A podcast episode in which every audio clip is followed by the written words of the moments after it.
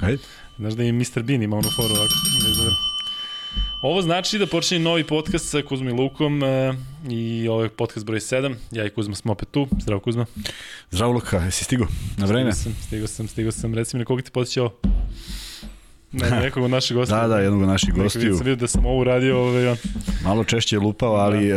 uh, intervju je bio odličan. Da, nije lupao ovako figurativno, baš da. lepo bila priča.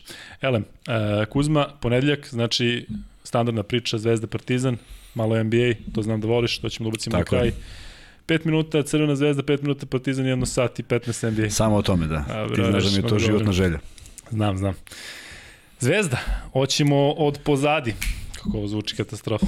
E, meč protiv e, Olimpijakosa, pričali smo pre tog meča i rekli smo da je to najbitniji meč u sezoni. I Zvezda je to dobila, Da li je to bitnije od Makabija, da li je to bitnije od one pobede koja je onakva bila protiv Panatinikusa, tvoje viđenje meča kao meča? Pre svega, možda jedna najboljih utakmica koje sam gledao unazad, ajde da ne preterujem po broju godina, ali zaista sa svakog aspekta jedan odličan susret obe ekipe, Misliš znači utakmica utakmica? Utakmica utakmica, da. da. I činjenica da je bila jako tvrda sa malim brojem faulova u prvom poluvremenu i jednih i drugih što uopšte nije odražavalo intenzitet odbrane koji je bio, tako da je sudijski kriterijum bio prilično dobar i mislim da to negde uh, uh, odgovara Zvezdi.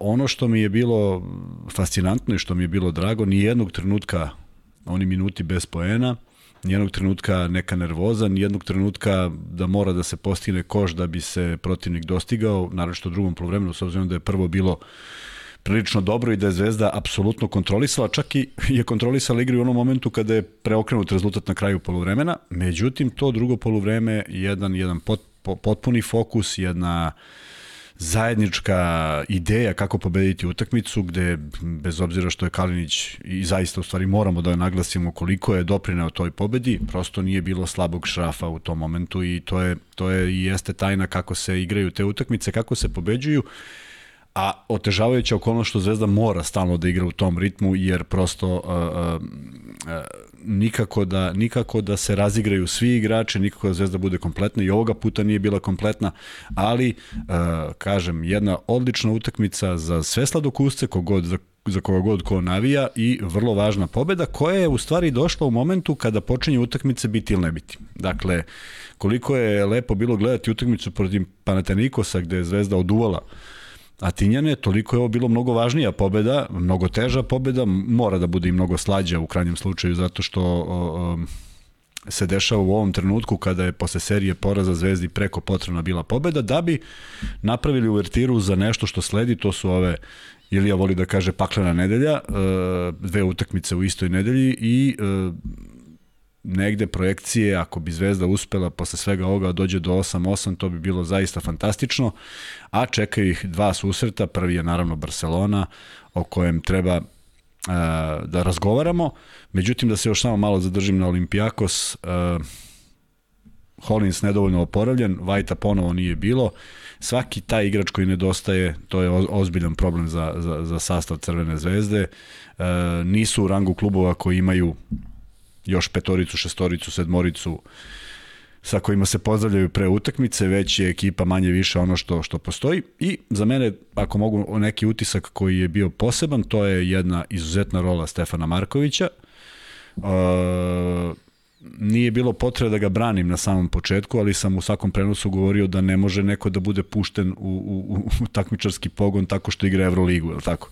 Prema tome, odigrao jednu izuzetnu utakmicu, E, pokazao koliko donosi energije defanzivno, koliko pametnih odluka ofanzivno donosi, koliko će napraviti faul kad god treba bez nekih problema, koliko je svestan svega što se dešava na terenu i naravno nešto što me zaista raduje to je Davidovac koji je odigrao odličnu utakmicu i eto ispostavilo se da nije bila jedina već i sledeću odigrao tako da je bio igrač utakmice.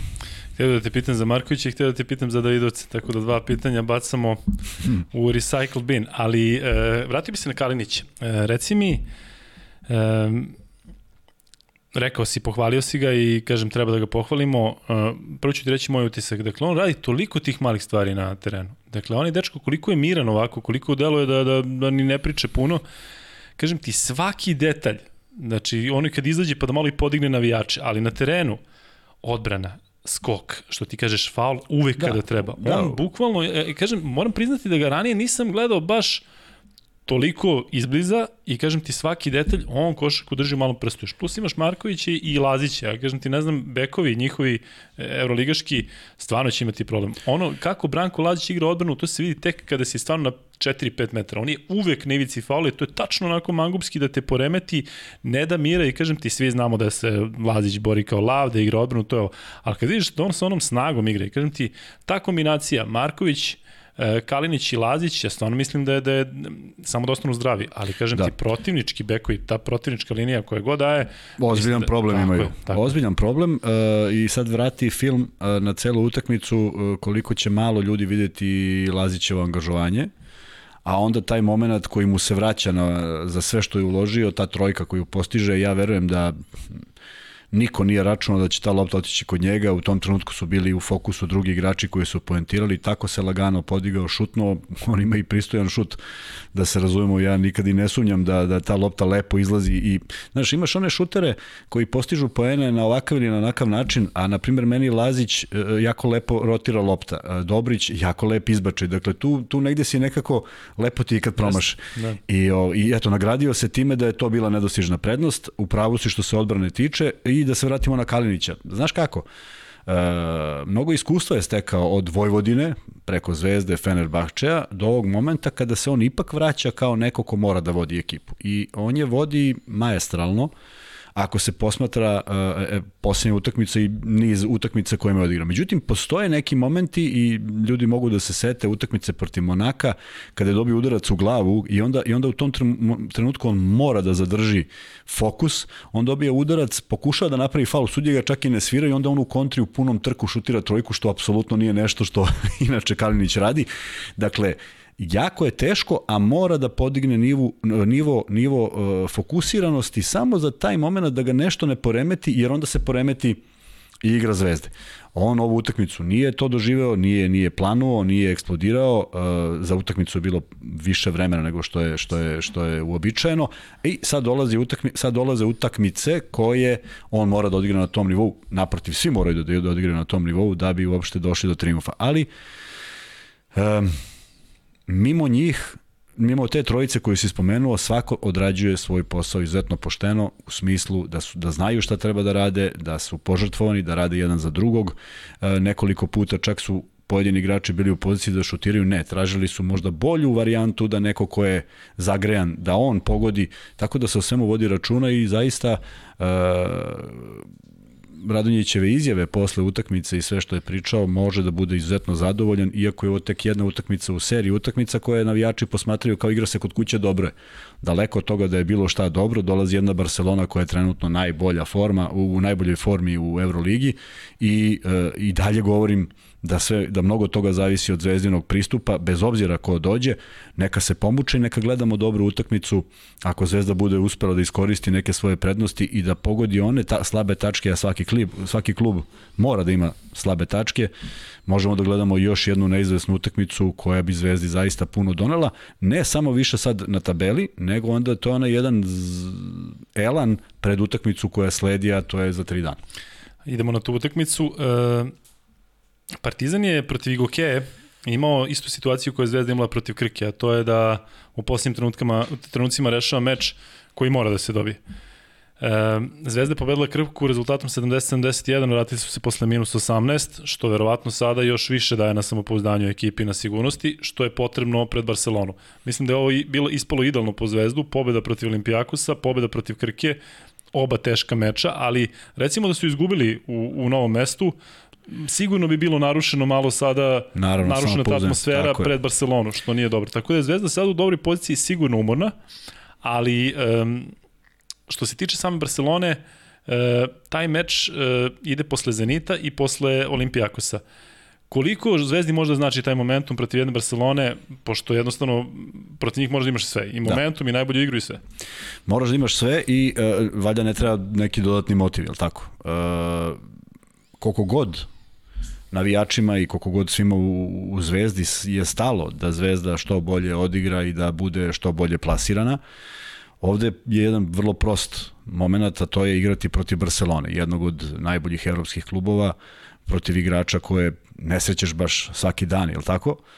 I e, mislim da je to utakmica u kojoj zaista Zvezda može da odigra možda i za nijansu opuštenije u smislu da proba sve što može, jer e, ne bi bilo sramota izgubiti od Barcelone, je li tako?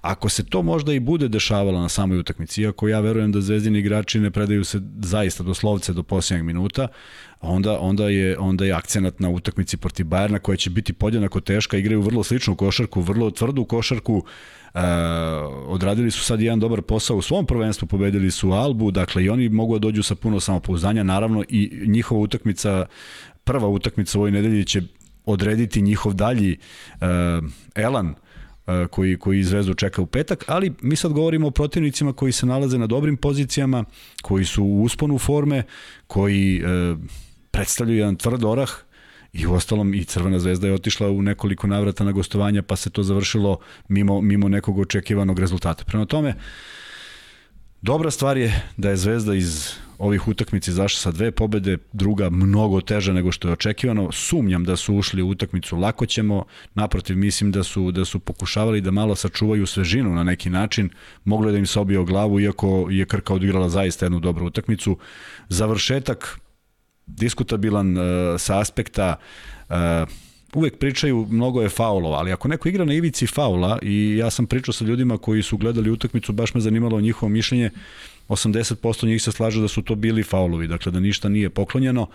Da li je trebalo slediti pravila u posljednjoj, u posljednjoj sekundi i to je nije stvar igrača Crvene zvezde ili bilo koga iz Crvene zvezde, doneta je odluka kakva je doneta, Kalinić uspeo to da realizuje, ali ajmo da idemo na banalnije pitanje zašto mu je dozvoljeno šutne trojku, ako već pričamo o, o nečemu što treba da vode računa i kako da ne uđe u problem, vrlo jednostavno bilo da kad Kalinić primi loptu, strategija bude da se napravi faul. Prema tome, da ne, da ne dužim, e, zaslužena pobeda Zvezde sa mnogo potrošnje, koja s jedne strane pokazuje da nigde ne može da se, opušt, da se opustiš i još drži tu tenziju pred utakmicu koju ja mislim da svi doživljavaju kao jedan u ono naše vreme prazni košarke jer je bilo manje utakmica, pa kad dođe Barcelona onda stvarno o tome se priča 15 dana, ovde će se pričati jedan dan verovatno, ako i toliko, jer, jer, jer je ritam takav. Gledam sada sastav Barcelone, zaista to deluje neverovatno. Oni na svakoj poziciji imaju dva i po igrača, dakle došao je Dante Exum koji je e, neko ko je svoje vremeno u NBA ligi bio i visoko uh, rangirani pik i ko je imao zaista solidnu karijeru, ali imao bi mnogo bolju da nije ispovređivan. Međutim, sad koliko vidim, vidim da je zdrav i da može sigurno da doprinese Barceloni da bude još bolje. Oni su zaista u tom meču protiv Reala bili od početka do kraja sigurni. Dakle, ja nisam video nikada da je Real toliko inferioran od prvog do poslednjeg minuta. Dakle, Barcelona držala taj ritam, pa su pobedili Tenerife, koja je solidna ekipa, u španskom prvenstvu i to sa 15 razlike na gostovanju. Dakle, Barcelona trenutno na, na tabeli Euroligi ima skor 12-2 e, trener kao što je Šaruna Sjaskiviću sigurno neće dozvoliti nikakvo opuštanje nigde. Ali, ono što mislim da je Zvezdina, Zvezdina e, velika prednost, to su navijači. Dakle, Barcelona, znamo čak i iz prošlosti kada je Ante Tomić onako bio e, zapadnim uživao, uživao u atmosferi. Da. E, prvo mislim da je vreme da Pionir bude pun do poslednjeg mesta, da je Zvezda to zaslužila i I da je ovo protivnik koji to zaslužuje. Ako, ako negde navijači vagaju, a mislim da Tako. da vagaju iz nekih nepoznatih razloga, Euroliga je Euroliga, da li tu postoji interesantni ili manje interesantan, uvek nekako razmišljam da treba dati podršku svom timu jer nikad ne znaš koja je utakmica ta koja će doneti odluku o konačnom plasmanu. Razmišljam da je možda stvarno ima nešto izbog korone. Sigurno postoji ima, 5 ili 15% ima, ljudi koji su ne neću da idemo u tako. masu, ali kažem, ako je negde potrebno Zvezdi da zaista bude atmosfera bolja nego ikad, to je protiv Barcelone. Mislim da, da li misliš da Zvezdi e, je plus ili minus to što ovaj meč ipak je bez nekog pritiska. Dakle, nemaš pritiska da, da pobediš Barcelonu. Pobedio si Olimpijakos, pobedio si Krku, imaš Bayern za tri dana, dakle nemaš imperativ pobede protiv Barcelona, ali Zvezda, sam kažeš, deluje kao ekipa gde su svi požrtvovani, gde svi grizu, da li je kod njih ta neka vrsta opuštenosti dobra ili loša, da mogu da, da, da uđu sada malo mirnije, da znaju da ako se izgubi od Barcelone, neće pasti, mislim, e, nikome kruna s glave. Opet s druge strane, kažem ti, pobediš Barcelonu, cela sezona možda ide uzlaznom putanju. Mislim da, da da, ih ta, da su tako i pripremljeni. Mislim da imaju dovoljno iskustva u, o, među igračima kojima se pričao koji imaju po 10 sezona, ali tako, u Euroligi. Prema tome, e, zaista mislim da tu ne bi bilo nekog, nekog uh, neočekivane neke reakcije od tih igrača koji su nosioci igre Crvene zvezde. Ono što je što je imperativ, to je to je ovo što sam rekao broj odnos odnos pobeda i poraza. Znaš, sad je Zvezda na 6-8, je l' tako?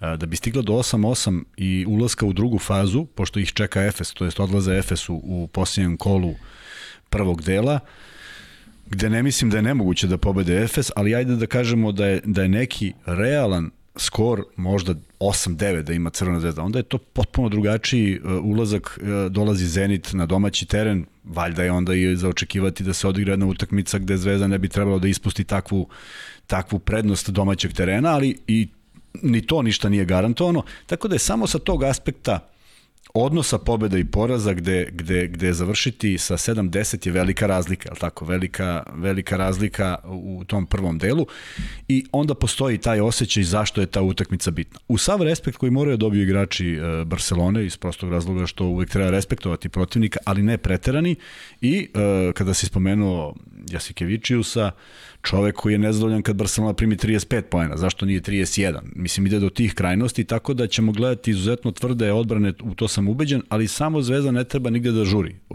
svaku utakmicu koja je pobedila Zvezda je lomila 40 minuta. Svaka utakmica, pa i onak protiv Asvela koja je mogla se, da se završi u kontri, 17 e, plus, pa je došlo do minus 14 u, u narednih 3-4 minuta, dakle svaka može da se odigra do 90. minuta. Ono što znam, to je da će prilično iznervirati igrače Barcelone svojom odbranom, zato što niko to ne trpi. Uh, vidimo igrače koji se, Dorsi se, Dorsi se svađa jedno vreme sa sudijama jer mu nije bilo jasno šta tolerišu. Lazić je igrao po sudijskom kriterijumu i tu nema sad nešto nekog Da, kriterijum je bio isti od početka tako, do kraja. Tako, i čak ne mislim da su uticali na bilo kom, u bilo kom segmentu nekim donošenjem odluka. Uh, da, priča se o onoj tehničkoj grešci, ali ako je već otvorena utakmica sa Vokapovim padom, gde je sudija rekao da sledeći put ide tehnička, kada je pao Larenzakis, onda je to bilo to. I ne mislim da su uopšte nekoga tu uh, for, uh, favorizovali, naprotiv, samo su rekli šta će uraditi kada se ponovi. Ponovilo se 30 minuta kasnije, ali to je bio signal za tehničku.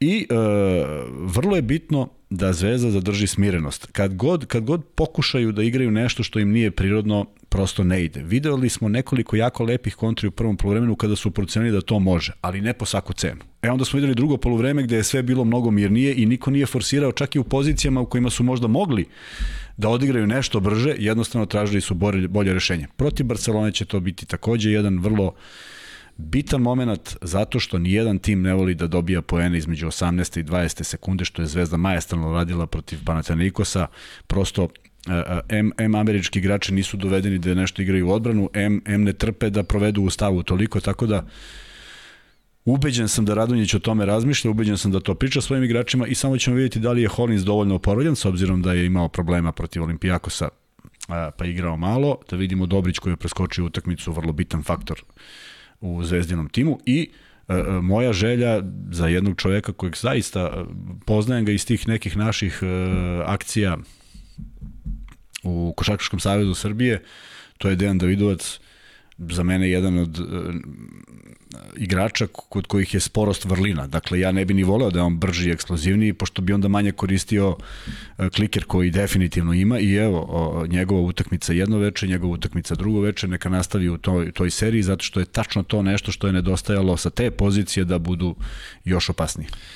Gledam sada, pominješ Amerikance. Da li veruješ da Barcelona i Real imaju samo po jednog Amerikanca? Da. I pritom je to Williams Goss u, u Realu, a u Barceloni je Hayes koji igra, kažem Šta ti, malo. Šta to govori, kako, da li treba pratiti te timove?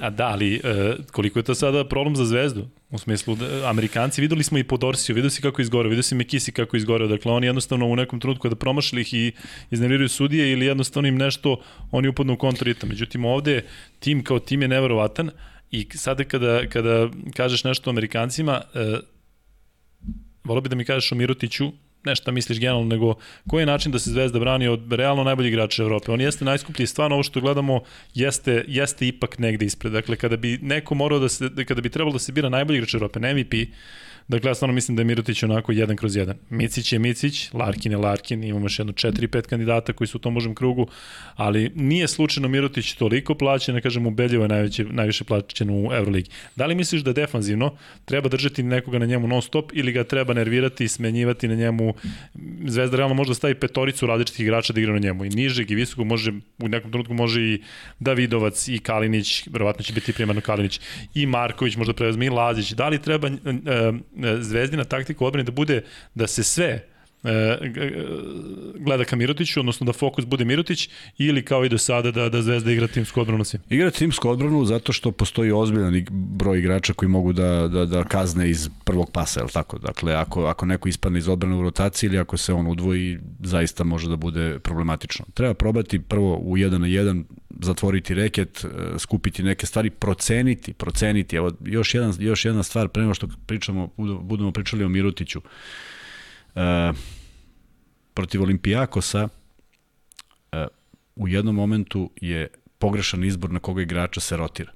Dakle, mnogo je bilo opasnije Vezenkova pustiti na trojici nego... na druga četvrtina. Tako je. Znači, mora da, mora da se ima uvid u to, da bude neka finta, samo da, samo da se taj poremeti. Ali, prosto, ako neko šutne 3-3, pa ne daš baš taj da mora da poentira. Nek pogodi neko svoju prvu, možda postoje šanse i da promaši. Čak su i veće da, da, da, da, da će u tom razmišljanju da li da doda, pa ga prevariš svojom kretnjom, pa on mora da šutne, to već nije šut koji je zamislio da uzme, ima svojih to razloga.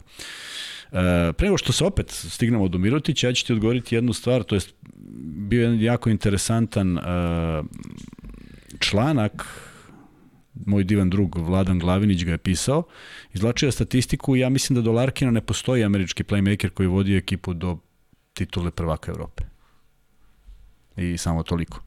Dakle, ima ih koliko hoćeš, ali nema. I, NBA, i sad si, znači Amerika kao Amerika, ni ovamo u Evropi da... Evo, pa evo pogledaj, sam kažeš da, da dva prvo plasirane ekipe, dve prvo plasirane ekipe imaju uh, minimum stranaca. Prema tome, stranac, kad kažem ne, znači, stranaca... Skjeno, izvini, mislio sam da kažem da stvarno može i bez Amerikanaca. I ne da može, nego može jako dobro. E, problem je što se, što se kvalitet tih igrača uh, smanjuje, jer, jer se prosto više ne proizvode, ne razigravaju se.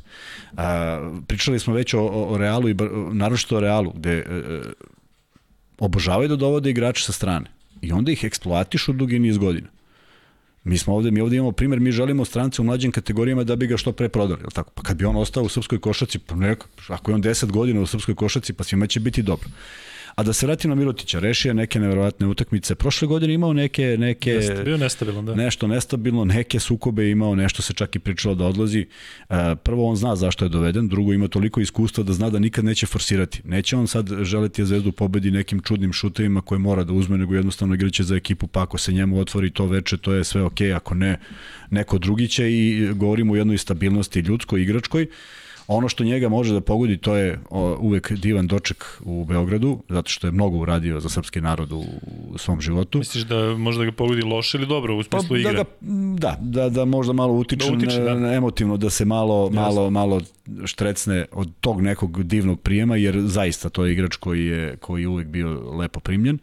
Uh, igra izuzetno, od njega mnogo toga zavisi, ali ajde vratimo samo par nedelja unazad, pobeda nad Fenerom, je tako? On daje taj pobedonosni koš, onda jedan veliki poraz u sledećoj utakmici. Dakle, ekipa koja, koja ima isti ritam kao i Crvena zvezda mora da ima svoje uspone i padove.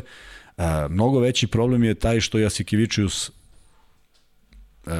stalno želi da, da to bude savršeno, i onda ih... Uh, misliš da je to problem? Zato što govorimo recimo o e, Efesu prošle sam, sezone. Mislio sam pod znacima navoda. Da, ali uh, opet pravim poređenje sa NBA ligom za gledalce, ne za tebe, zato što verovatno ovo ni ne, ni ne pamtiš toliko zašto ne obraćaš pažnju. Ali ona sezona Golden State kada su imali oni maksimalan broj pobjeda, kada su jurili svaku pobedu, njih je Cleveland pobedio zato što su bili istrošeni. Poređenje sa prošlom sezonom u Euroligi. Video si Efes kako igrao. Efes je gubio 40 razlike od CSKA. Oni su podizali formu sve vreme i čini mi se da isto radi Atama nove godine. Dakle, Efes je sada na nekih, čini mi se, 30-40% i kako sezona bude odmicala, garantovano će ići samo gore. I očigledno da je to bilo ispravno prošle sezone iz ugla Efesa. A da ti od, od igrača tražiš, vraćamo se, zašto govorimo ovo, vraćamo se na ritam, da ti tražiš od igrača da oni igraju apsolutno svaki meč od početka do kraja.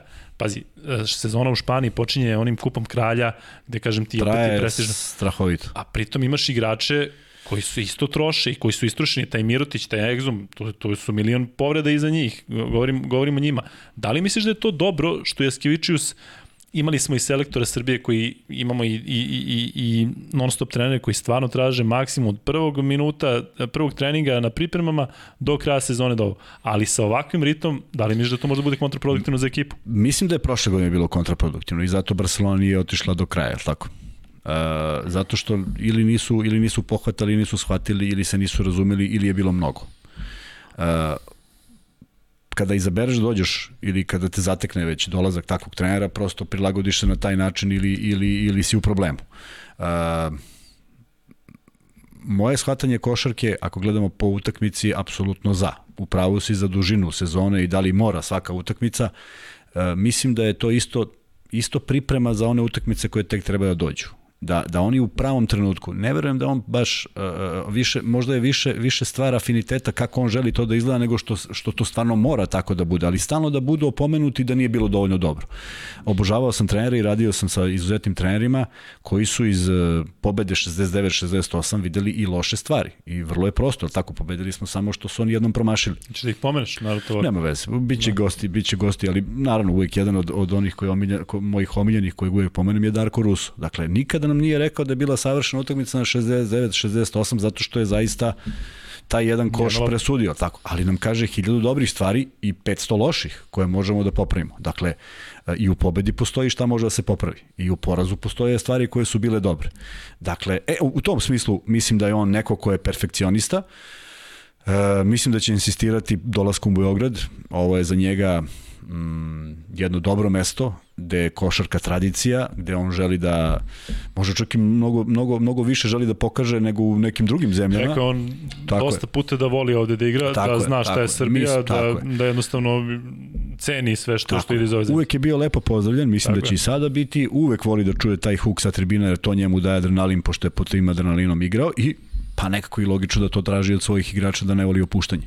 Ja sumnjam da će Barcelona da se opušta uh, protiv Zvezde, naročito ako su gledali, a gledali su sigurno prošlu utakmicu i na konto nje se i pripremaju, tako da očekujemo sigurno tvrdu utakmicu, sve što Zvezda bude uradila uh, i ako izgubi, i ako izgubi, a da to bude dobra utakmica gde mogu da opet pričaju o jako dobrim stvarima i da shvate naleteli su na boljeg protivnika kao što se to desilo samo jednom u ovoj sezoni protiv Unixa. Zaista su naleteli na ekipu koja je u tom trenutku mlela.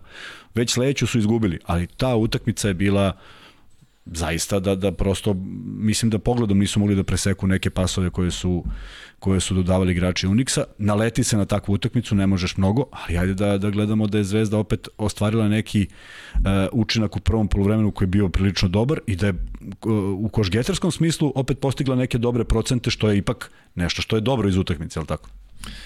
Idemo kratko na meč sa Bayernom, zato što ne, ne treba tu previše da se zadržavamo, zato što ipak meč posle, ali da. nemamo šta da pričamo, u, u, u, u suštini moramo da pričamo zato što naš sledeći podcast kada pričamo ne možemo da zakačemo Bayern. Ali što se tiče Bayerna, sam si rekao, dakle, slična, slična ekipa kao Barcelona, neko meni deluje da je um, glavni da je najveći plus Bayerna Andrea Trinkieri, zato što uh, vrlina Zvezde je ta što stvarno ne menja 10 igrača tokom se, u off sezoni, ne menja ni, ni pet igrača u off sezoni, nego zadržava uh, ono što je, što je bilo najbolje iz prethodnih sezona. Pritom Kalinić povratnik, Wolters povratnik, Cirbes povratnik, Kuzmić, dakle, mislim da Trinkieri poznaje jako dobro sve igrače i da bi on uh, od svih trenera evroligaških mislim da on najbolje poznaje Zvezdu zbog svog angažmana koji ima u Partizanu, ajde da kažem do nedavno, do pre dve godine. Tako da kratko samo u utakmici sa Bayernom i e, rekao si sam da je Zvezda ide na 8-8, da Zvezda ide na tri pobede. Da li misliš da treba Zvezda da bude zadovoljna da možda, da možda bude 1-1 skor. Da, da pobedi jedno od ove dve. Mislim Tako da da, apsolutno da. zadovoljstvo, zato što su to dve utakmice u kratkom periodu Potpuno, potpuno se slažem. Dakle, nije ništa izgubljeno ako bude i 1-1. Izvini, zato smo toliko potencirali Olimpijakos koliko Olimpijakos. Da, da. Evo, kad počneš 0-1, e, onda je jako onda teško. Onda se protiv Barcelona. Tako je. I zato je bilo bitno i zato je odigrana takva utakmica kakva je odigrana. I, i svaka im čast. E sad, što se tiče Bajerna, ako se setiš prošlogodišnje utakmice, imao sam priliku da u prenosu nekoliko puta kažem da to što je Lučić 30 minuta na parketu bez poena ne znači ništa. Tako. I prosto je neverovatno da jedinog čovjeka kojeg su zaboravili u, u, u posljednjoj četvrtini je bio upravo on. Dakle, on je još jedan faktor X. Ne zato što je bivši igrač Partizana pa će igrati sa posebnom emocijom, već zato što je neko kod, kod, kod Trinkjeri ima ozbiljno poverenje. I neko da provede 30 minuta od 30, nije on igrao svih 30, ali je bio 25 sa učinkom koji niko od nas ne vidi, niko od navijača ne vidi, dok on apsolutno postoji i onda uzme i reši utakmicu sa tri šuta, Uh, to govor, dovoljno govori o uh, kompoziciji ekipe. Uh, period u kojem sam igrao bio je tako, tako, tako, tako je bilo organizovan, organizovan ekipa. Uvek si izaberu onaj prvi od kojeg počinje sve.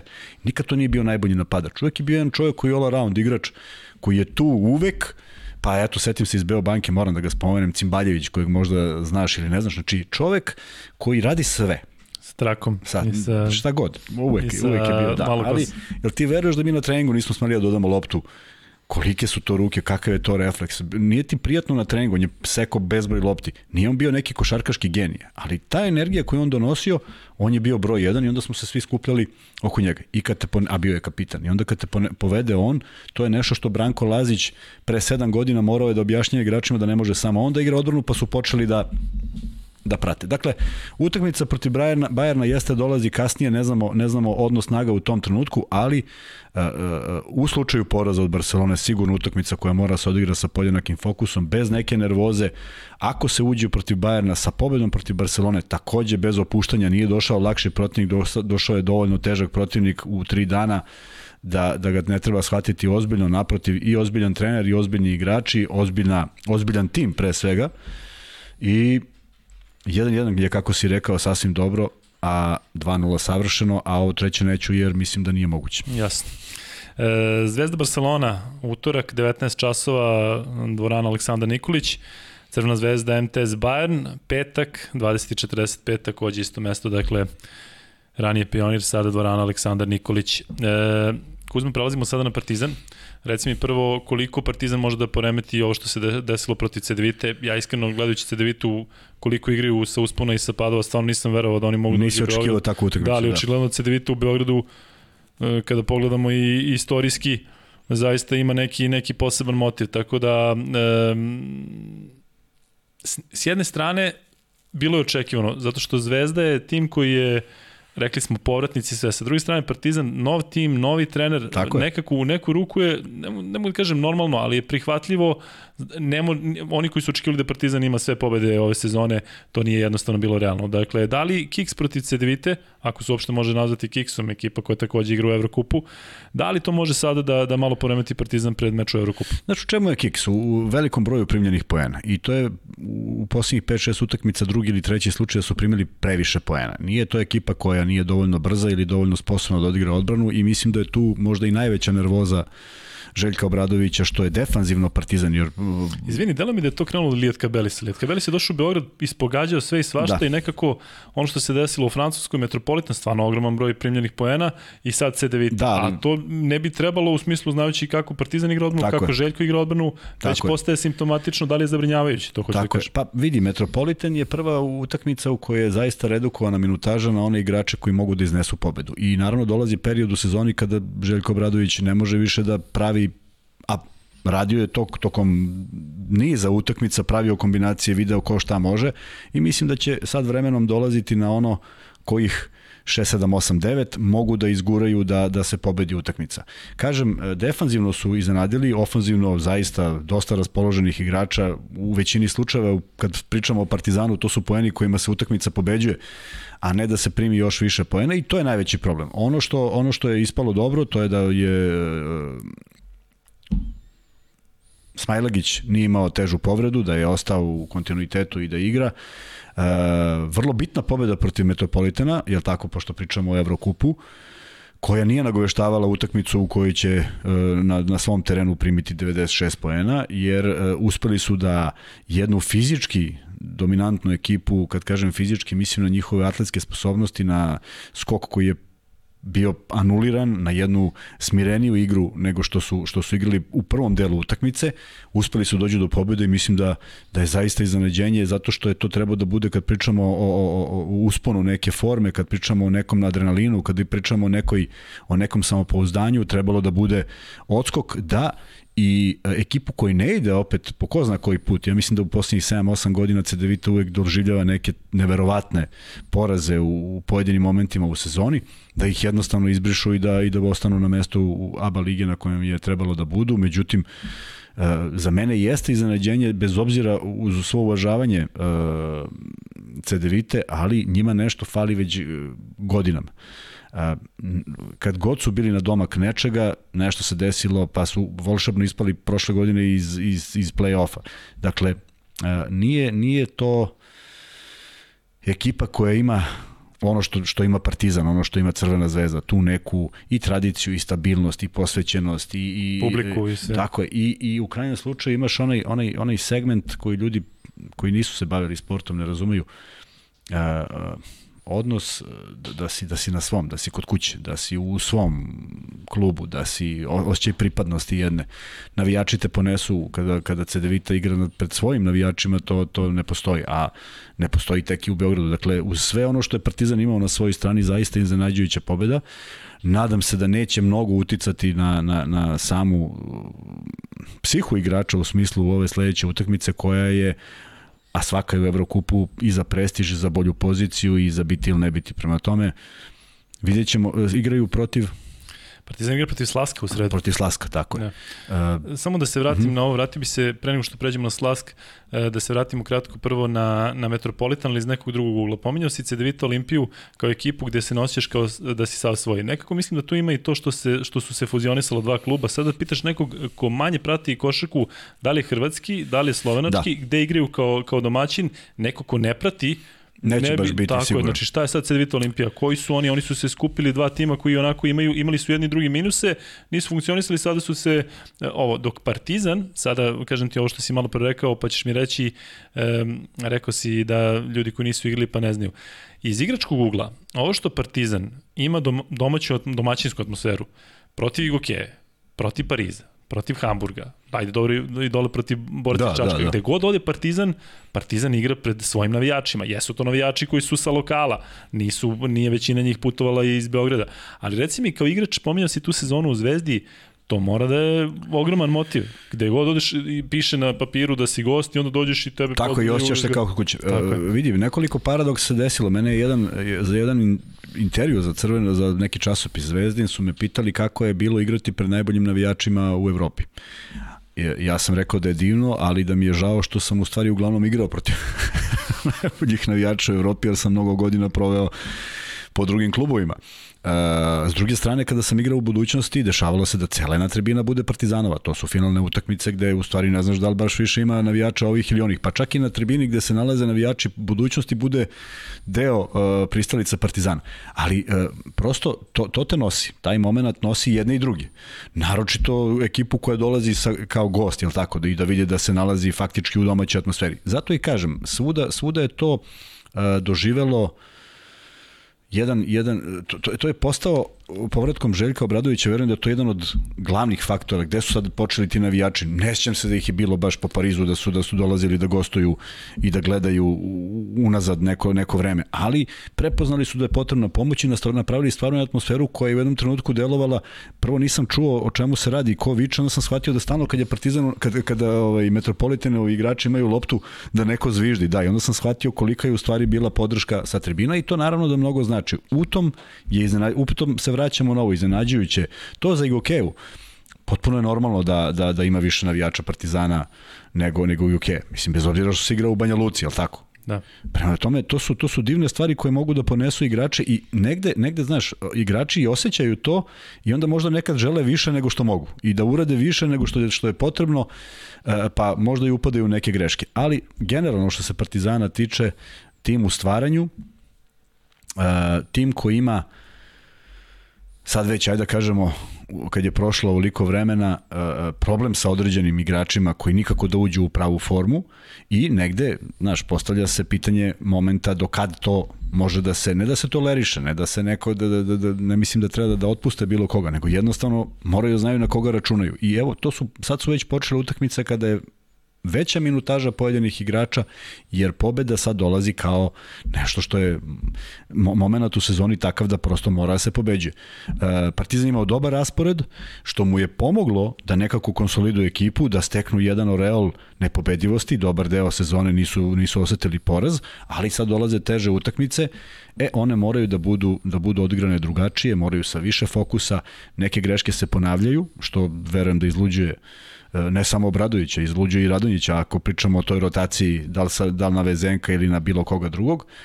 I e, još jedna bitna stvar, e, činjenica da je to Kuruc nije odigrao utakmicu njegovog nekog nivoa već duže vreme. On je dao jedan intervju gde, gde, gde, gde, gde, gde ti zahtevi velikog trenera mogu da budu kontraproduktivni, je tako? I kada pričali smo već i o tome, ali eto ponovit ću. E, Željko Bradović je navikao da radi sa igračima koji tačno razumeju. Pa ni ti koji su bili i bolji i kvalitetniji nisu mogli da pohvataju sve odjednom, pa je i rast Panatanikosa trajao, ali tako, nisu igrali kao mašine, pa i Fenerbahče od prve sezone nije bio Fenerbahče. Prema tome, za takav tim treba dati uh, vremena, ne znam da li malo ili mnogo, ne znam kako bih uopšte svrstao malo i mnogo, ali prosto treba dati vremena da, da bi bio bolji. I ja mislim da oni u početka sezona igraju daleko bolje. Ali desila se ova utakmica da je primljen neverovatan broj poena zato što sam ubeđen da brzinom koju posjedu igrači Partizana, a odbrana je 99% pitanje volje, dakle samo treba ispo, is, uraditi ono što je trener tražio, ne praviti korak više u stranu levo ili desno i biti fokusiran od koga preti najveća opasnost. Uh, ima jedan detalj koji je eto, neobjašnjiv baš protiv Metropolitana, setit će se navijači Partizana, taman su sabili jednog od igrača u ćošak, ispadao je u aut, on je prebacio celu odbranu. Dakle, ta lopta je letela i čovjek je ostao sam na šutu, čovjek koji je možda i najbolji njihov trojkaš.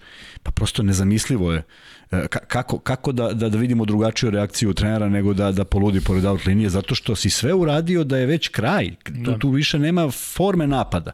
I primaš trojku i naravno da ne možeš da budeš uh, ni vesao ni raspoložen, ali drugo polovreme mnogo drugačije, mnogo konkretnije i jedna sigurna pobeda Partizana. Ja verujem i da Slask neće biti uh, problem uh, savladati ga, ali moraju neke stvari da se poprave. Pre svega defanzivno. Arsenal napadački, Arsenal Partizana je prilično pristojan, sve bolje ko funkcionišu Avramović i Smajlagić, što je vrlo bitno.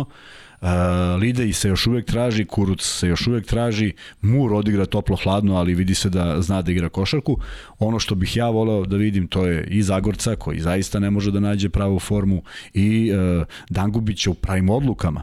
On, on može da bude jako koristan igrač, on jeste jako koristan igrač, ali nekada preuzme stvari koje mogu mnogo jednostavnije da se reše. Dakle, ne treba da komplikuje, treba da igra baš pojednostavljeno. Valjda oni imaju osjećaj da moraju nešto, nešto više da daju. Uh, naravno, Partizan je favorit protiv Slaska, pa ćemo da vidimo. Znaš šta, nadovezao bih se na ovo sve što si pričao i to sa tri stvari. Prvo, problem koji ima Zagorac, mislim da je problem koji imaju Dobrić i Davidovac u, u Zvezdi. Problem. A to je da je nekako, ti si dugo gradio sebe i sada dolazi moment kada ti treba da budeš lider ekipe, Zagorac jeste kapiten, ali ipak to jednostavno nije tako. Ne možeš ti u Zvezdi pored Kalinića, pored Lazića, pored Markovića da se nametneš na taj način, posebno kada je reč o timski. Zagorac je, ajde da kažem, dugo čekao priliku da stvarno bude neko ko će da ponese ekipu, međutim Partizan jednostavno doveo takve igrače, ima takve ambicije, da jednostavno ne možeš ti pored Pantera da, da, da, da budeš neko ko će sada po enima da se ističe ili pored, pored svih ovih igrača koji, koji, su, koji su toliko, toliko dominantni. A Smajlagić koji, kažem ti, zna i da podigne publiku i atraktivnije i sve. I onda kažem, samo mislim da je to problem u glavi koji treba da se prihvati jednostavno da, da budeš deo tima. A druga stvar koju sam hteo da, ti, da se nadovežem na ovo što si rekao što se tiče Kuruca, on je stvarno vrhunski igrač i kažu da je jako dobar momak i mislim da je to kombinacija da je stvarno samo potrebno strpljenje. Dakle, on dečko u Grču stoji, da. i kažem ti, Partizan mislim da će ga sačekati on kada proigra Kažem ti, mislim da, da, da će Partizan imati, ne mogu kažem ozbiljno pojačanje, ali da će tek onda dobiti još jednu opciju u napadu pre svega. I treća stvar, kada govoriš o faktoru Željko Obradovića... Rekao samo dve stvari. Tri, tri sam nekako, tri, nego si, nisi bio fokusiran. Tri stvari, e, faktor Željko Obradovića, apsolutno si u pravu, dakle, ti navijači, sam kažeš što nije bilo ranije, dolazak Željka Obradovića, svi znaju vrhunski trener, toliko je, titula sve. Pomera se sve. On nosi neke stvari koje uopšte niko nije ni pomislio u napred, niko nije dovodio Obradovića, rekao je sad kad budemo gostovali, bit će puno dvorana. Povratak e, velikog broja navijača Partizana Sigurno. koji su uh, ovde, pa ranije su ima iz nekog razloga su, su se ipak distancirali, oni su se vratili, ali isto je tako i na globalnom nivou. I kažem, to je ta težina Željka Bradovića. Dakle, svi oni koji su pričali, on će doći pa će to da ide, neće ići ništa glatko, međutim, te neke sitne stvari su, ja mislim, nešto što Partizanu, ja, ja ne znam da je Partizan, osim kada gostuje Zvezdi, može da ima publiku i, i dole u Podgorici, da ima, pa če, i sam si rekao i Podgorici, možda bude podeljeno, ali da može da ide isključivo na, na, na vruć teren deo, nigde. Da, nigde. I, uh, u ovakvom Evrokupu pre svega. Tako je. I, I u ostalom to i treba da im bude prednost. Međutim, uh, izgubio sam misao, ali ću se setiti. Poenta uh, ovoga što se, da, setio sam se. Uh, Zagorac, za mene uh, je bilo veliko zadovoljstvo da 2015. to je jedan od mojih prvih poslova u Savezu, budem deo te selekcije Vlade Đokića, koja se prošetala uh, Neverovatno je da su imali najtežu utakmicu pola koša protiv Belgije. Prošetala se na U20 i sad tu su bili Zagorac, Jaramaz, dakle igrači Partizana, s druge strane bili su Davidovac, Gudurić, Apić, momci koji su igrali tada u Zvezdi, bio i Rebić koji igrao u Zvezdi, dakle jedna neverovatna selekcija. To je 95. godište.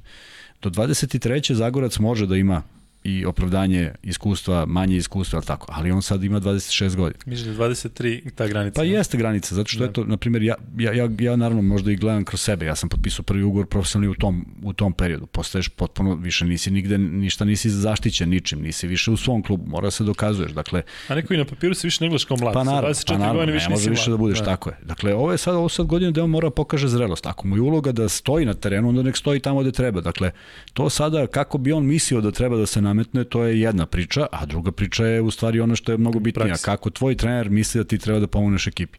Ja i dalje mislim da on ima fantastične predispozicije, da ima dobar kliker, da, da, da, ima, da ima talenta. Gde se to izgubi, u kojim njegovim odlukama, jako je teško da pričamo sa strane, ali e, e misliti da zaborio da igra košarku, pa i to mi nekako ne ide, ne ide, jednostavno mora da se sačeka, a pitanje je koliko ima vremena u smislu znaš, da, da ne prođe i ova godina da se nije našao, onda to su je zaista ozbiljne košarkaške godine, a, a ti nisi pronašao svoju ulogu, ko si, šta si i, i kako radiš. Spomenuo si Davidovca i Dobrića koliko je teško bilo i jeste. Pogledaj samo moment odlaska Obradovića kada Davidovac i Dobrić dobijaju onu minutažu koju zaslužuju. Dobrić koji prvu utakmicu šutira 4-0 za 3, a onda daje 4 vezane trojke. Dakle, to se nikad ne bi desilo, tako? I dakle, dobije se jedno samopouzdanje, znaš šta ti je, želiš da budeš vođa, da li Dobrić može da bude vođa? Ja mislim da je on svom, svojim postojanjem na terenu, svojim nekim rezonima, svojom borbenošću, apsolutno jedan šraf ekipe. Da li je on neko ko treba sve da se lomi? Možda i nije. Ali ako je došao Kalinić, onda napravi se neka hijerarhija. Ne mislim da mu to smeta. Mislim da jako fino igra. E, volim da ga gledam, volim da ga gledam i kad god uspem da ga sretnem negde, pošto ne znam ga privatno, samo iz viđenja, volim da mu kažem, ne umiri kada promašiš neki koš. Nije 93. minut i šutno si pored gola, nego ima još da se igra, jer on zaista teško doživljava sve te... Ovaj, da, vidi se i odmah po Vidi se, ja kažem, pa tako se prezivaš, tako da ti je problem možda taj. Mm -hmm. E, moram da iskažem svoje zadovoljstvo kada pričamo o Zvezdi Partizanu, a nadam se da se slažeš sa mnom koliko je Zvezda ipak ove sezone možda više tim nego prethodnih sezona kada yes, su meni trene da, Partizan, koliko je odskočio dolazkom Obradovića. Zaista mislim da tako da treba da budemo svi zadovoljni kakva nas sezona čeka. Taj rivalitet između Zvezde i Partizana je jedna stvar, ali i to što Zvezda i Partizan odvojeno mogu da pruže u Evropi, kažem ti, zaista je sa, sa velikim zadovoljstvom Apsolutno. pratiti, raditi, ali kažem ti, opet tražimo od tebe razumevanje zato što znam koliko si protiv ovog sistema i po, protiv ovakvog ubitačnog e, ritma. Ali e, pričam sa jednim drugarom, koji je jedan klasičan košarkaški navijač. Nije čak ni naklonjen Zvezdi Partizanu i on kaže, brate moj, uključen sport klub, ponedljak ima neki basket, utorak Euroliga, Tako je. Sreda Euroliga i Eurocup Partizan, četvrtak Euroliga, petak Euroliga. Kaže, brate, ja s devojkom mi kaže, ja ću devojci da, da kažem četiri dana da me ne... I onda s te strane, znaš, razumem uh, najviše na, na, ispa, ispaštaju na, na, igrači. I sigurno da dolazi do zamora materijala, videli smo i neke utakmice gde stvarno ljudi igraju kao da, da, da, da ih tera neko. Ali kažem ti, s aspekta posmatrača, kažem ti, uživanje gledati Euroligu non stop i gledati e, utakmice mm, svakodnevno. Da... Euroliga je najelitnije takmičenje. Hoću da kažem da je to opravdanje za one koji to određuju, koji prave takav sistem. FIBA i ovo što se desilo sa FIBom i ti prozori su dodatno poremetili, zato što tu stvarno ne gledamo najbolje igrače. Tako je. Tako. Ali kažem ti ovo, ovo je je, kažem ti... Ali ga, ali, ga, ali ga je mnogo, sad ću reći samo iz kog razloga. Recimo, ajde, za, za bilo kog igrača, ali spomenuli smo Kuruca u Partizanu. A, zamisli da on ima sedam dana sad od sledeće utakmice ispravke nekih stvari koje mu možda zaista nisu, nisu ne može da. da, da ih prihvati. I sad Željko Obradović ima 7 dana fore da oni to isprave. I to se ispravljalo na treningu, nikad se nije ispravljalo na utakmici. Ne možeš ti neke stvari da ispraviš na utakmici osim da mahneš treneru i kažeš da, razumeo sam i to je to. Ako se u, umeđu vremenu opet nije to odradilo na treningu, ponovit će se ta greška pre ili kasnije u vrlo skorom periodu. E, Evrokup Partizan protiv Slaska 20 i 30 sreda. Um, još samo kratko hoću da se zadržim na Slasku. Um, to je nezgodna ekipa. U smislu da niko ni ne zna ko tamo igra od ovih ajde da kažem ljudi koji ne prate dakle Slask dolazi neka, neki poljski tim imaju 1-5 ali oni su recimo pobedili taj Hamburg ubedljivo Partizan se protiv Hamburga na početku ima bilo oscilacija pa je na kraju Jeste, ali to je valjda prva utakmica bila jeste, tako. Jeste bila prva u, na gostovanju, al kažem ti Slas generalno gledam njihov sada uh, njihov sastav, dakle tim su, nema nikoga ko se ističe. Jeste da imaju dva Amerikanca i obojica igraju petorci Justice i Trice, al kažem ti Ivan Ramljak, onda ima četvorica petorica poljskih reprezentativaca koji funkcionišu kao tim. Kaži. Moram nešto za, Ajde. za Ramljaka. Ajde. Jedna, sad kad si ga nisam znao da igra tamo. Da igra. Oj, Ilija radi utakmicu, Ramljak je igrao za Cibonu, tako? Igrao je za Cibonu, igrao je za Tedevitu, koliko se I seća. bio je kontakt sa Lazićem na jednoj utakmici, onako jedan blaži kontakt, Ramljak je odletao jedno 2 metra. Od Lazića? Da, od Lazića. I dobio je faul, naravno. I Ilija kako radi prenos, ja mu napišem u poruci za malo da bude hramljak. I sada ovaj slučaj šutira slobodno bacanje, Ilija kaže i na slobodnim bacanjima je za malo za malo. Šalje mi one smajlije, kaže za malo da izgovorim. Tako da izviniš sam te prekinuo, ali eto, ostao mi u sećanju. I, i CDVit, igra u CDVit u dva navrata, meni se pa činilo da, pa da. da, je, da je igra u Ciboni ili u Zagrebu igrao baš u Zagrebu. Ali to nisu, to nije igra, naveo si par igrača koji su, znaš kako, uh, govorimo, govorimo o jednom partizanu koji u, u, u svakom smislu treba da bude favorit. Apsolutno. Uh, Samo tre... kažem da ne treba podcenjivati, recimo protiv Lijetka Belisa je bilo kao 20 dolazi, uh, to su neki Litvanci. Ovi, Lijetka Belis, Lijetka Belis kojeg vodi Čanak, koji Tako. naravno želi da pokaže da, da, zašto je tamo i da se dokaže i da potpuno razumljivo odigra jednu utakmicu protiv najboljih evropskih trenera, protiv najboljeg evropskog trenera, u jednom momentu dolazi na, na tri razlike, jel tako? I da ima malo pametnije igrače koji je šutnu trojku, možda bi to bila još da, da. neizvesnija utakmica. A, Partizan, Partizan nema lufta da, da doživljava tako te ekipe, zato što oni svi jesu tek u nastajanju. Nije da. to ekipa koja igra godinama zajedno pa im neki taj dan bio loš, nego naravno kada kada nastaje, kada nešto ne, kada traje jedan proces, svaki protivnik je je je vrlo bitan. Vratiću se samo evo na na na na sezonu 97 98 kad smo se okupili u Zvezdi, pet starosedelaca, trojac iz Beočina i dvojac iz Beobanke. Mi smo imali 20 pobeda za redom. I onda su ljudi pričali, pa dobro, tu je bila neka kup utakmica protiv zastave. Pa jeste, ali mi smo igrali u ritmu Evrolige, mi smo igrali daj da igramo najbolje što možemo protiv bilo koga, jer mi sebi nismo mogli da dozvolimo kad se još nismo znali kako to izgleda da bi da bi pravio uopšte tu taj taj niz pobeda. Tako da Partizanu to nedostaje, uh, opet poznajući mentalitet njihovog trenera, znajući kakve igrače je odabrao, uh, neće biti nikakvog pocenjivanja i mislim da će Partizan zaista napraviti jednu dobru dobru priču i triumfovati bez ikakvih problema. Da, hoću da kažem da je, da Slask ekipa koja ne sme da se pocenjuje, oni su recimo dobili taj posljednji meč protiv Hamburga, ali opet za Partizan je bolje da posle C9 igra protiv Slaska, ne protiv recimo Lokomotive Kubanj svakako, ili protiv Juventuda ili ekipa svakako. koje su koje Dobar su moment, tako. tako je. E, prelazimo na NBA ligu. E, samo ću još jednu, samo ću još jednu, zaista. 97 98. Ne, ne, da. Ne, 47 48 šetam ja ulicom. Uh, Da. Nismo spomenuli FNP ni jednom, zato što pravi fantastičan rezultat sa jednim uh, mladim timom, sa par stranaca, sa jednom dobrom energijom. Zasluženo su tu gde jesu. Uh, mislio sam da ćemo o Ciboni pričati kao nečemu što je trajalo, nažalost, uh, uh, uh, zaista su bili u pripremnom periodu tih prvih 5-6 kola pravo otkrovenje, mladi momci, jedan dobar tim, jedna dobra energija sa mladim ambicioznim trenerom. Međutim, eto, to su mi neka dva utiska koje nikad nismo spomenuli kao nečega što je zaista odskočilo i što je donalo taj Hoćemo. neki što je donalo taj neki kvalitet u smislu uh, neočekivanosti, je tako? Mi smo pričali pred sezonu i o CDViti, pričali smo o Warnaru koji je trenuo krenuo katastrofalno, CDVita koji igra gore dole, ali evo ovo su ekipe koje ipak zaslužuju malo da budu spomenute I hoćemo ovom... i uigravamo se, ja i ti smo pričali kako ćemo ubaciti rubrike, Naravno, ubacit ćemo jednu posebnu rubriku da pored Partizana i Zvezde pričamo o timu Tako koji je je. u tom trenutku aktualno. Tako je. Da li u regionu, da li možda neko ko se Tako je. istekne ovako, tako da hoćemo. Uigravamo se, kažem ja i Kuzma, tako da ne brinite, biće, biće prostora i za, ajde tako da kažem, manje timove. E, prelazimo na NBA ligu i sa tim i završavamo. Steph Curry treba da obori rekord Rea Alena uskoro u broju e, šutiranja trojki. Šta misliš ti o tome? Stvarno, da li, znam sada da imaš generalnu verziju prema svemu, ali Steph Curry je neko ko zaista igra tako da, da ne možeš čak ni ti da mu nađeš sad neku manu. Stvarno će biti zabeležen kao, odnosno sa pravom će biti najbolji šuter svih vremena, šuterski, košarkaški, on je rekao ko, neko ko za razliku od Realena može sebi da izgradi poziciju da šutne sa 10 metara, za Realena su išle akcije gde on primi jedan, dva bloka, možda pogodi bilo dakle, a kažem ti što se tiče Karija, vidjet ćeš, kažem ti malo govorimo napred, ali uh, Golden State igra meč protiv Indijane i posle toga igraju još jedan meč ili na prvom ili na drugom će on postaviti taj rekord koji zaista ulazi u istoriju kao, kao poseban.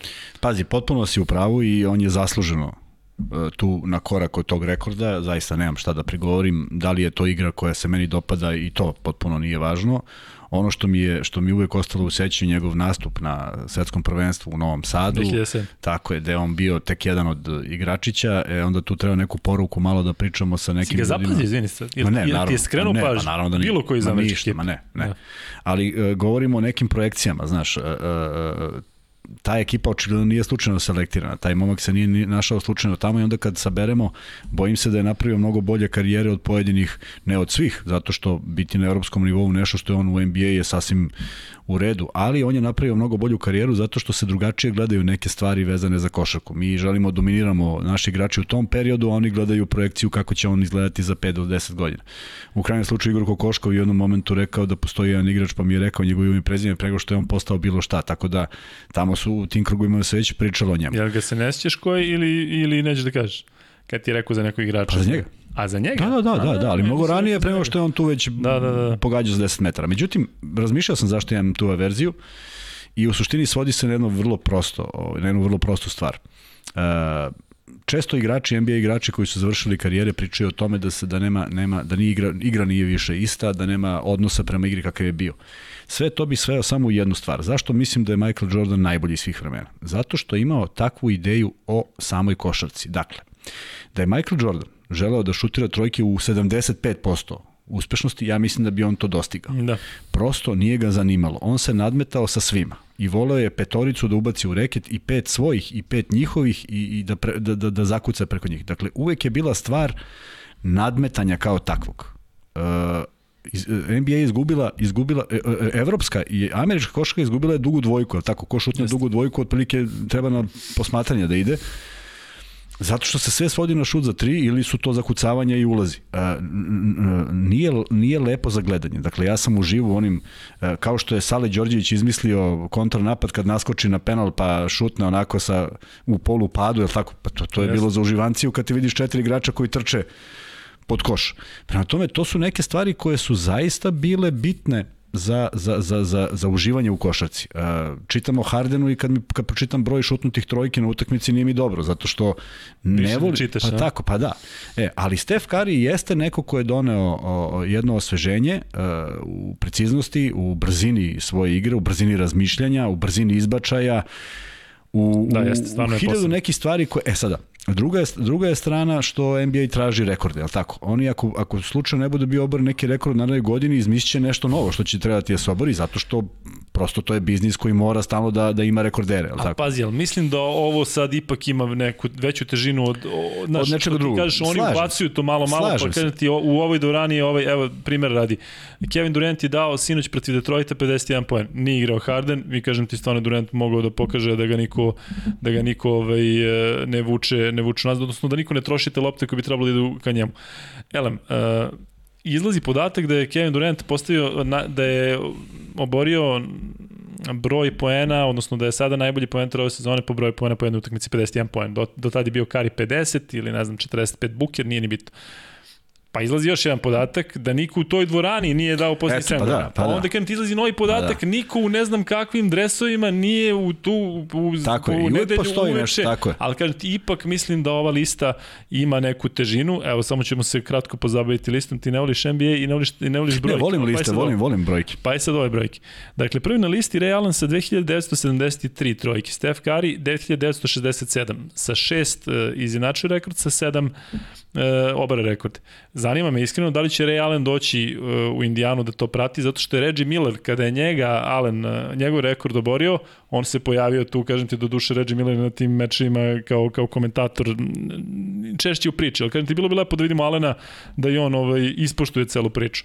Evo ga tvoj uh, ljubimac James Harden, 2509 trojke, on će sigurno preći u nekom trenutku Alena, dakle on će biti drugi iza Karija, ali treba reći da je na to listi uh, jedan Kobe Bryant, koji je 19. sa 1827 trojki, treba reći da je Peđa Stojaković postigao 1760 trojki u svojoj karijeri, da je on trenutno 23. On je kada sam ja počeo da pratim te liste, on je bio 8 ili 9, 10 recimo, ali onda Pa kreću. jeste, ali menja se, menja se način Tako igre, je, menja tako se je, stil i kažem igre. ti, on je bio u top 10 najboljih trojkaša svih vremena po broju postignutih trojki, sada je 23. i samo će padati.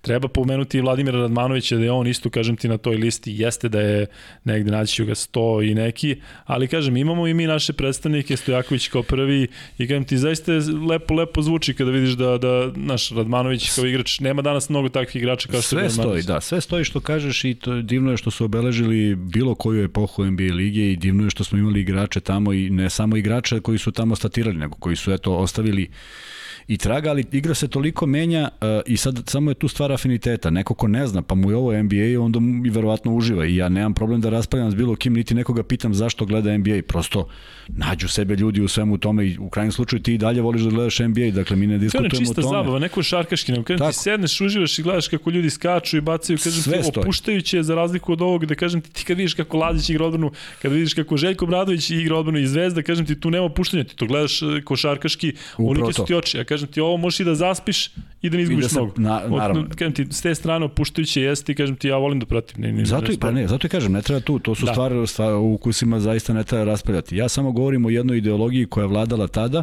o mnogim izjavama uh, igrača 90-ih kojima se ovo ne dopada. Možda im se ne dopada zato što su još i dalje žele da žive u prošlosti i oni bi sad izašli na teren. Možda i zbog toga. Ali govorim nešto što sam ja iskusio, imao prilike da gledam i uh, gledam ovo sada i prosto e, znaš, znaš koji, na- na- znaš, e, ne znam kako bi izgledao Šektina full u ono vreme 90-ih. Verovatno bi se tu bilo uh, hiljadu nekih stvari koje su vrlo slične njegovim sadašnjim emisijama. Ali izgubiti loptu i ne uzeti je a što je uradio Harden je prosto, kako bih rekao, van, van logike. Neprihvatljivo, Tako, da, neprihvatljivo. da. Znaš, tako da, ili njegova odbrana kad se malo pomeri levo pa desno pa vidi da nije pogodio pa ostane u mestu. Znaš, to, to, to se ne bi prikazivalo jer bi ili neko uklizao tom nekom ko ide na prolaz ili bi ga četvorica poklopila ispod koša. Prosto drugačije se igralo. Šta je lepše? Stvar ukusa. Uh, da se vratimo, da, da se vratimo na. Karija, čovek koji nema mnogo igrača kao on. Dakle, možda će neko stizati, možda će neko pogađati, možda će neko ispaliti 3000 trojki više, je li tako? Tu ne pričamo o procentu, pričamo o broju pogođenih trojki. Možda će se uvesti četvorka u uskoro, mislim, mi ne znamo. Ima, Ali, u, ima u ovom što igra Bulut, Big 3, imaš Pa eto. četvorku koja je, Pa kažem eto. ti, onako negde ćošak polovina. eto. Tako a da možda će a, mož, a možda će neko da izvede računicu koliko je Maravić puta šutirao trojku, pa možda će bude među prvi 10. I onda da nam bude gost. da. Ove, Kuzma, za kraj, imam pitanje za tebe. Prošli put si ti iznenadio sa dresom, nisi uopšte rekao da spremiš Aha, kako rođenje. sam Da, da. sakrio. Evo sad imam ja za tebe pitanje. Vladimir Radmanović je 143. sa 971 trojkom. Na 142. poziciji neko ima 976. Ne pitam te slučajno, sad ti kažeš Pera, Perić, nego... Naš da, čovek. Nije, ali te opet kažem, ne, ne, nije, nije ispred Ramanović naš čovjek, samo je, samo je Stojaković. Pominjali smo ga u, u, u našim podcastima. 90. Ti imaš 90-ih. 90-ih nismo raditi, radili podcaste, ali uh, 90-ih igrao i ti si ispričao dobro anegdotu u vezi njega. Price? Tako je. Mark Price, 976 trojki. Sa ovim bih i završio, imaš nešto da dodaš? Ništa, sem da se nećemo ovde zaustaviti kod Marka Price. Da, pričat ćemo još Marku Price. Ništa, toliko što se tiče ove emisije, hvala što ste bili uz nas. E, kažem još jednom, budite strpljivi što se tiče nekih rubrika i loga i hvala vam što učestvujete i sa komentarima i što učestvujete sa idejama, još uvek vidite da smo bez zvaničnog imena i dalje smo Kuzma i Luka ili Luka i Kuzma. U svakom slučaju, zaista uživamo da radimo ovo i nadam se da je vama barem delom kao nama uživanje da nas slušate. Do, narednog, do naredne subote toliko uživajte u košaci ove nedelje u Euroligi i Eurokupu na Sport klubu i vidimo se sledeći put.